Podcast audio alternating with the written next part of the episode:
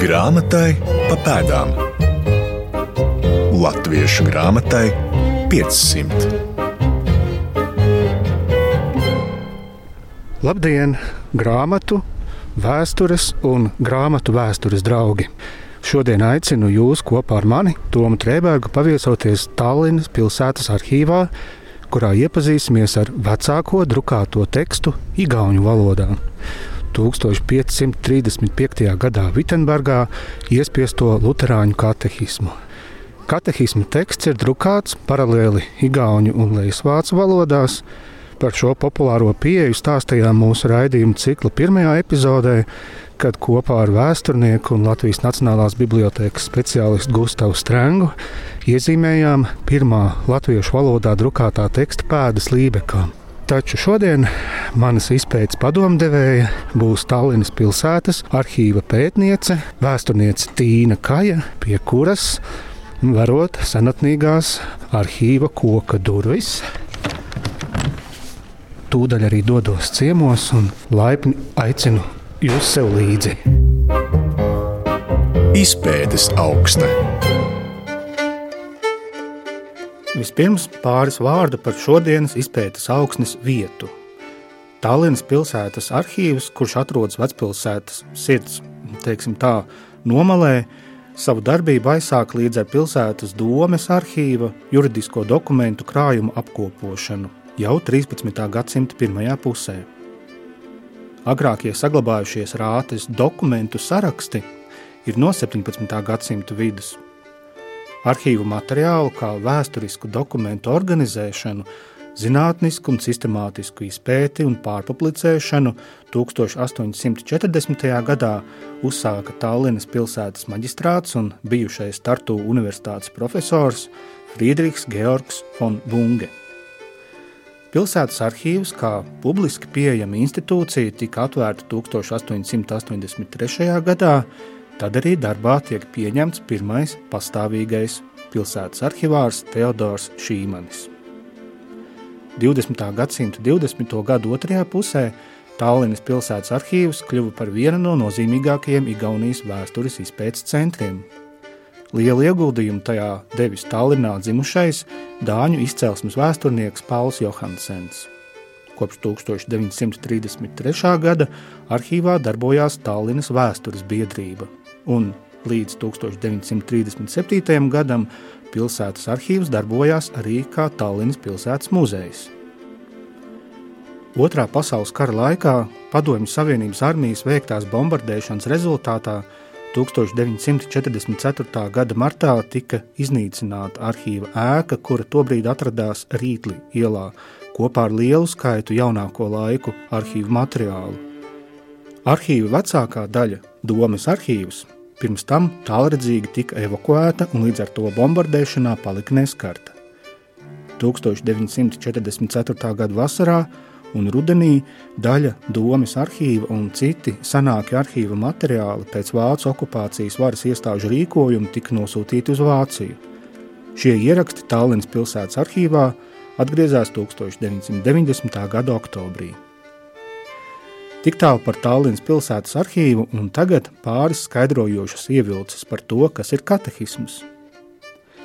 Katehisms, jeb senākā formā kateķisms, tiešā pārnesumā no grieķu vārda cilmes katehismos, nozīmē mutiska apmācība. Tas ir kristīgās ticības mācības izklāsts pārsvarā jautājumu un atbilžu formā. Protestantu, it īpaši Lutāņu katehisms ir veidots kā īsa un viegli uztverama mācību grāmata, kas iepazīstina ar galvenajiem uzskatiem konkrētās konfesijas rīcības motīvos, ticības praksē. Senākais katehisms latviešu valodā, kas saglabājies līdz mūsdienām, ir Nīderlandiešu iezuīta Pētera Kanīzija latviski tulkotais un 1585. gadā Viļņā Jēzuītu kolēģijā izdotais katoļu katehisms Kristīgā pamācīšana no tiem pa priekš galvas gabaliem kristīgās mācības, priekš tiem nemācītiem un jauniem bērniem. Tā kā Rīgas jēzuītu kolēģijas biblioteka Zviedru karaspēkam ieņemot Rīgu 1621. gadā tika pārvietota uz Zviedriju, Kanīzija katehisms ietilpst Upsāles Universitātes bibliotekas krājumā Zviedrijā. līdz ar citiem izdevumiem veidojot vienu no senākajām grāmatu kolekcijām šajā augstskolā. Savukārt 1588. gadā grāmatiespēdējs Nikolais Molīns Rīgā atvēra pirmo grāmatu spiestuvi, kurā iespieda Lutāņu katehisma otro izdevumu. Un nu pie mūsu šodienas galvenā varoņa, proti, Vanrada Koela katehisma, kurš uzskatāms par senāko drukāto tekstu Igaunu valodā. Leisvācu tekstu tam darinājis Nigulistas baznīcas mācītājs Simons Vanrats, to Igaunu valodā pārtulko Tallinas svētā gara baznīcas mācītājs Johans Koels. Pateicoties Koela centieniem, tieši šajā baznīcā pirmo reizi tiek iesākta dievkalpošana tikai Igaunu valodā. No 1536. līdz 1600. gadam tur par mācītāju kalpo Baltazars Rusovs, kura kronista veikumu arī esam aplūkojuši iepriekšējās raidījuma epizodēs. Gan igauņu, gan latviešu un leisvācu valodas, kādas tās eksistēja 16. gadsimtā, Tallinas pilsētas arhīva pētniece Tīna Kala nosauc par vernakulārajām valodām. Tādām, kuras raksturīgas kāda novada vietējo iedzīvotāju lietotajām valodām, kas atšķiras no literārās valodas. Bija noteiktas liturģijas daļas, kurās pieminētās valodas netika izmantotas. To vietā tika skandēta latīņu valoda, un tomēr vernakulārās valodas izmantoja baznīcas ikdienas dzīves norisēs, proti laju, tātad neordinētu reliģiskās kopienas locekļu saziņā ar garīdzniekiem. To research these phenomena largely Baznīcas dzīves vēstures pētniecība gan Igaunijā, gan citviet ir iespējama pateicoties teksta liecībām, kuras ir izturējušas laika pārbaudi un saglabājušās līdz mūsdienām. Šajā kontekstā ir ļoti svarīgi ievērot un piefiksēt izmaiņas, kuras laika gaitā skar rakstītā teksta noformēšanu un organizēšanu, kā mainās drukas tehnika, kā izmainās rakstītā vārda kultūra visplašākajā, ne tikai garīgās dimensijas mērogā. Jo, piemēram, 13. gadsimtā un vēl laiku pēc tam visa veida vienošanās tika slēgtas tikai mutiski. Principā visa informācijas pārnese notika tikai šādā veidā. Piemēram, tik populārs teksts kā Lībekas pilsētas likums pastāvēja galvenokārt mutvārdu formātā. Ja nu kaut kas parādījās rakstveidā, tad tie bija tikai tie jautājumi, kuru dēļ izcēlās kaut kādi disputi. Šodienas acīm raugoties, būtu pilnīgi neiespējami, ka mēs varētu veikt kaut kādu juridisku vienošanos tikai un vienīgi mutiski, bez nekāda rakstiska apliecinājuma. 16. gadsimta gaitā Baltijas teritorijā un arī plašākā Ziemeļa Eiropā norisinās, teiksim tā, rakstītā vārda eksplozija. Tā ir ļoti būtiska pārmaiņa informācijas pārvaldīšanā, neatkarīgi no valodas, kurā tā ietverta. Tas ietekmē arī veidu, kādā tiek drukāti garīgi rakstura teksti baznīcas vajadzībām, kuri pirms tam bija lasāmi latīņu valodā, kas bija gan izglītības, gan rakstītā vārda valoda vispār. Jāņem vērā, ka līdz 19. gadsimta sākumam Igaunijā nepastāvēja rakstītā mantojuma pārvaldība šodienas izpratnē. Neviens īsti nebija ieinteresēts tās sistematizēšanā. Protams, pastāvēja antikvāra interese par dažādiem kultūra vēsturiskiem fenomeniem un liecībām, tostarp par šiem garīgā rakstura tekstiem, taču iztrūka sistemātiska darba, kas tos apkopotu, pētītu un tādējādi saglabātu. Mēs varam būt caurmērā pārliecināti, ka teksti igauņu, latviešu un lietuviešu valodās eksistēja arī pirms 16. gadsimta. Tomēr pirmās pavisam nedaudzās praktiskās liecības par tiem ir saglabājušās pateicoties tieši iepriekš pieminētajai rakstītā vārda eksplozijai, kura norisinās tieši 16. gadsimtā, modernitātes pašā agrīnākajā aizsākumā.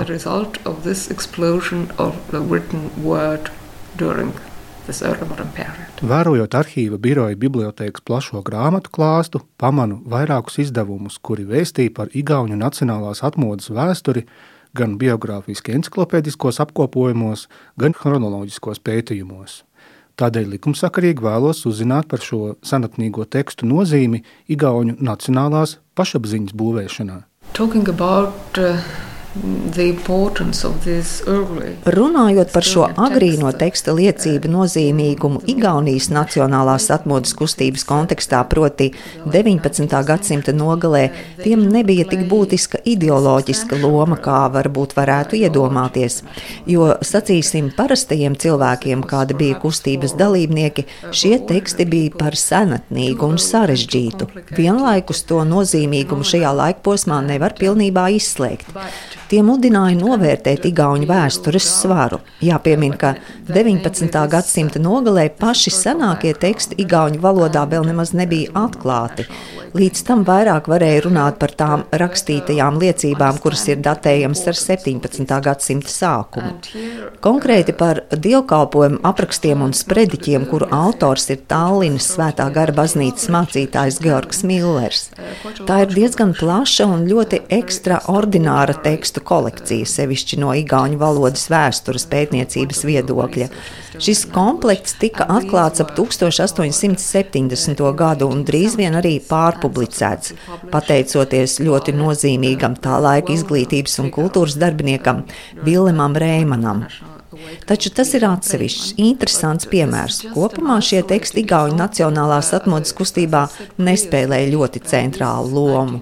Interesi par rakstītā vārda vēsturiskajām liecībām, sevišķi no pētnieku puses, palielinājās 20. gadsimta 20. un 30. gados. Piemēram, Vandrada Koela, lejasvācu un igauņu valodās sarakstītais katehisms, kura fragmentus tūdaļ dosimies aplūkot, tika atklāts tikai 1900. 1929. gadā. 30. gados aizsākās daudz cītīgāks darbs pie šo agrīno tekstu sistematizēšanas un pārizdošanas kopējos izdevumos, un līdz šodienai tādi ir iznākuši jau vairākos atkārtotos metienos.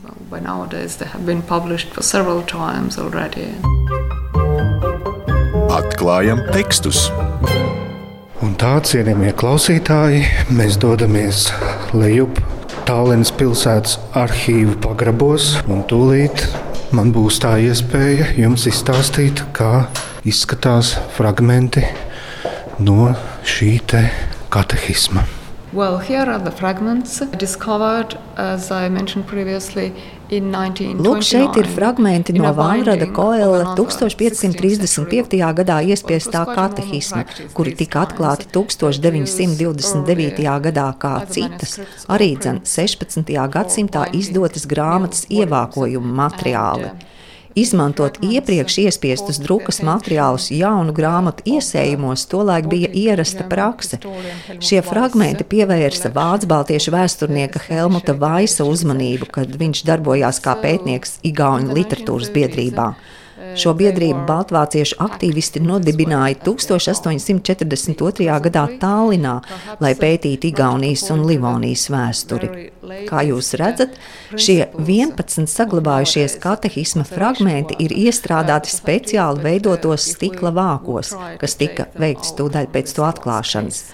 Šāds paņēmiens varbūt gluži nesaskan ar mūsdienu dokumentu konservēšanas tehnikas metodēm, taču, ja mēs tos izņemtu laukā no šiem ievākojumiem, mēs nu dienu nezinātu, kas notiktu ar šo materiālu tehnisko stāvokli. Tā nu tika nolēmts tos saglabāt tieši tādā veidā, kādā tie iekonservēti 30. gadu sākumā. Laimīgā kārtā starp citiem teksta fragmentiem ir saglabājusies arī izdevuma pēdējā lapa, kurai pateicoties mēs varam būt droši, ka izdevums ir drukāts Vitsenburgā 1535. gadā. Ja šī lapa iztrūktu, mēs nevarētu to noteikt, jo neviens cits Vānrada Koela katehisma eksemplārs nav atrasts. Katehisma lejasvācu valodas teksta autoram Simonam Vanradam bija konflikts ar Tallinas pilsētas valdi jeb maģistrātu, kurš viņu apsūdzēja tajā, ka Vanrada katehisma veidotais teksts nesaskanēja ar tobrīd valdošajām luterāņu teoloģijas pamatnostādnēm. Šis konflikts bija par iemeslu tam, ka visi pārējie katehisma izlaidumi tika iznīcināti vai arī izmantoti līdzīgā veidā kā šis, lai iesietu jauniespietas grāmatas grāmatas. Diemžēl Vandrada klapatas ar Tallinas maģistrātu turpinājās saistībā ar citām uzskatu nesakritībām, un beigu beigās viņš bija spiests pilsētu atstāt. Tīna Kaja norāda uz vēl kādu interesantu dokumentu. Viņas vārdiem varbūt pat vēl interesantāku kā Vanrada Koela katehisms. An Estonian oath of allegiance Tas ir uzticības zvēras cigāņu valodā, kurš datējams ar 1536. gadu. Pašu tekstu mēs redzam lapas augšpusē, gaišākā tintes rokrakstā. Šī bija ļoti populāra prakse katram pilsētas iedzīvotājam rakstiski apliecināt savu uzticību un apstiprināt paļāvību tai. Un pie tam šo apliecinājumu rakstīt savā dzimtajā mātes valodā, kas šajā gadījumā ir īpaši interesanti, ir salīdzinoši ļoti agrīnais gadskaitlis, kas ar šo dokumentu saistāms. Mums ir zināms, kam pieder šis rokraksts. Tas ir Tallinas maģistrāta rakstvedis Johans Sulstorps, kas zīmīgi viņš Tallinā ieradās no Vācijas, un viņam ar Igauniju nebija nekādu radniecīgu saišu. Tas liek domāt, ka viņš igauņu valodu ir iemācījies šeit, dzīvojot uz vietas. Kā redzam, viņa rokraksts ir ļoti plūstošs, tāpat kā viņa igauņu valoda. Tātad šī noteikti nebija pirmā reize, kad viņš rakstīja igauniski. Jāuzsver, ka saglabājies ir apliecinājuma manuskripts, pārējie teksti uz šīs lapas rakstīti lejasvācu valodā. Līdz ar to šis dokuments nebija paredzēts nedz svešām acīm, nedz iekļaušanai arhīvā. Varētu teikt, ka tam nebija paredzēts saglabāties, un tomēr tieši tas ir noticis. Vēl viena saistoša vēstures liecība, kur aplūkojam Tallinas pilsētas arhīvā, ir Mārtiņa Lutera 1531. gadā rakstītā atbildes vēstule pilsētas valdē. Reformācijas sākuma posmā ne tikai Tallinas, bet arī citu pilsētu valdēm bija viena un tā pati problēma - atrast savām draudzēm piemērotus mācītājus un superintendantus. Tādēļ plaši izplatīta bija vēršanās pēc padoma gan pie Vitsenbergas draudzes, gan pie paša Lutera. Tāpat bija spiesta rīkoties ar Tallinas pilsētu, lūdzot pēc atbilstošu kandidatūru piemeklēšanas. Šajā vēstulē Luters apliecina, ka centīsies tādu atrast, kā arī izsaka pateicību par viņam nosūtītajām dāvanām. Nevar paiet garām, ieraugot oficiālu dokumentu, kur sastādītājs un sūtītājs ir vēl viens no mūsu raidījuma iepriekšējo sēriju varoņiem – Vācu ordeņa Livonijas atzara mestrs Walters von Plettenbergs. Because, uh, Šis dokuments ir Tallinas pilsētas privilēģija apstiprinājums. Katrs jauns valdnieks sev piešķirtajām teritorijām izsūtīja to vietējām pārvaldniecībām kā atjaunojošu informatīvu apliecinājumu. Teitoņa ordeņa valdīšanas periodā šāda praksa netika piekopta, jo šis ordenis darbojās vairāk kā korporatīva organizācija. Līdz ar to ordeņa meistru šajā gadījumā nevarēja uzskatīt par karali. Tādējādi viņš nevarēja izsniegt šādus privilēģiju apstiprinājumus. Situācija mainījās 16. gadsimta sākumā, kad zemju valdnieku ambīcijas attiecībā pret savu stāvokli un tā nozīmīgumu krietni palielinājās un kļuva acīm redzamas. Tostarp dokumentu veidolā. Viens no šādiem valdniekiem bija arī Walters von Plettenbergs. Viņš Tallinas pilsētai ir nosūtījis vesels divus privilēģiju apstiprinājumus. Līdzīgus dokumentus vēlāk sūtīja rinda ar citiem augstmaņiem, sākot no Dāņu karaļiem līdz pat Krievijas Krievijas imperatoriem 19. gadsimtā, un arī šie sūtījumi glabājas mūsu arhīvā.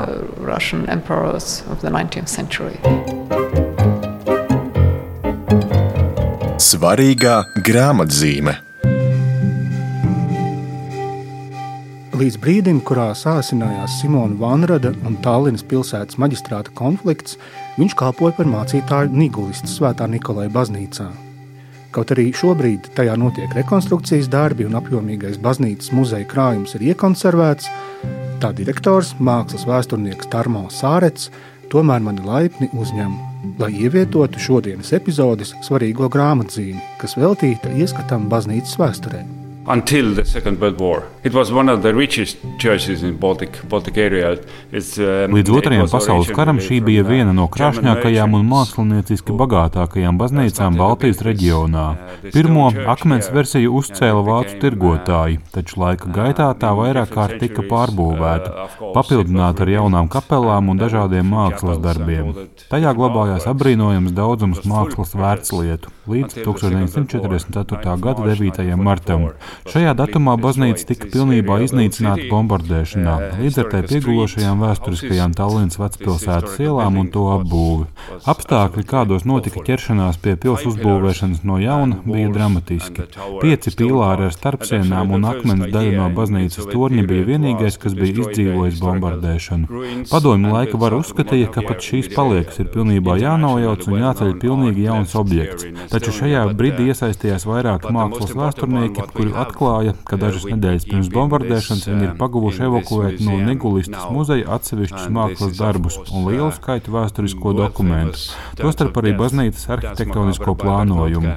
Tas bija kā galvenais arguments atjaunot baznīcu tieši tās vēsturiskajā izskatā.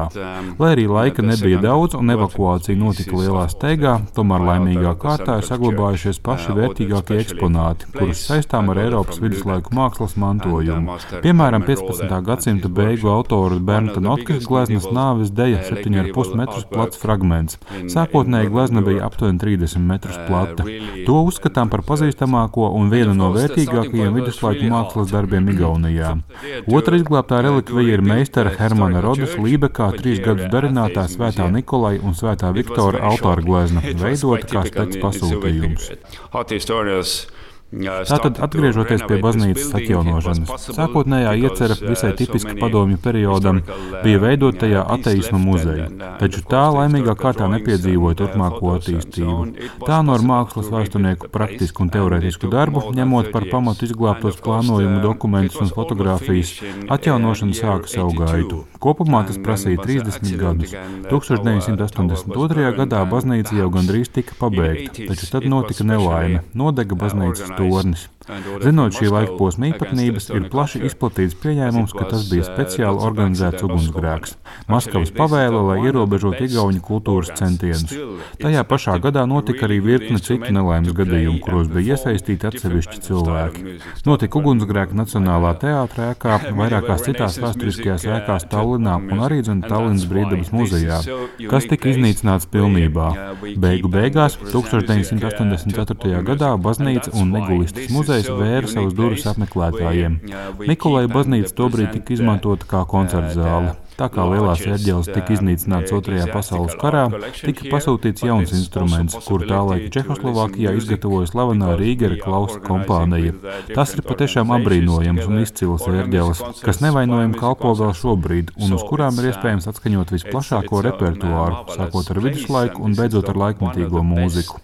Tā nu kopš tā laika mēs esam lielākās ekleziastiskās, proti baznīcas mākslas fonda glabātāji Igaunijā un rīkojam arī mūzikas notikumus, gan ērģeles, ārģeļu, gan kormūzikas koncertus.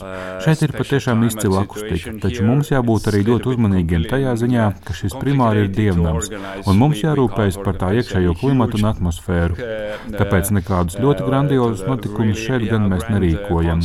Pagaidām mūsu sudraba lietu un koku figūru, kā arī citu mākslas relikviju kolekcija ir iekonservēta, bet pēc remonta darbu pabeigšanas es aicinu Tallinas viesus apmeklēt Nikolai baznīcu un Negulistas muzeju. Cerams, jau īsi pirms Ziemassvētkiem.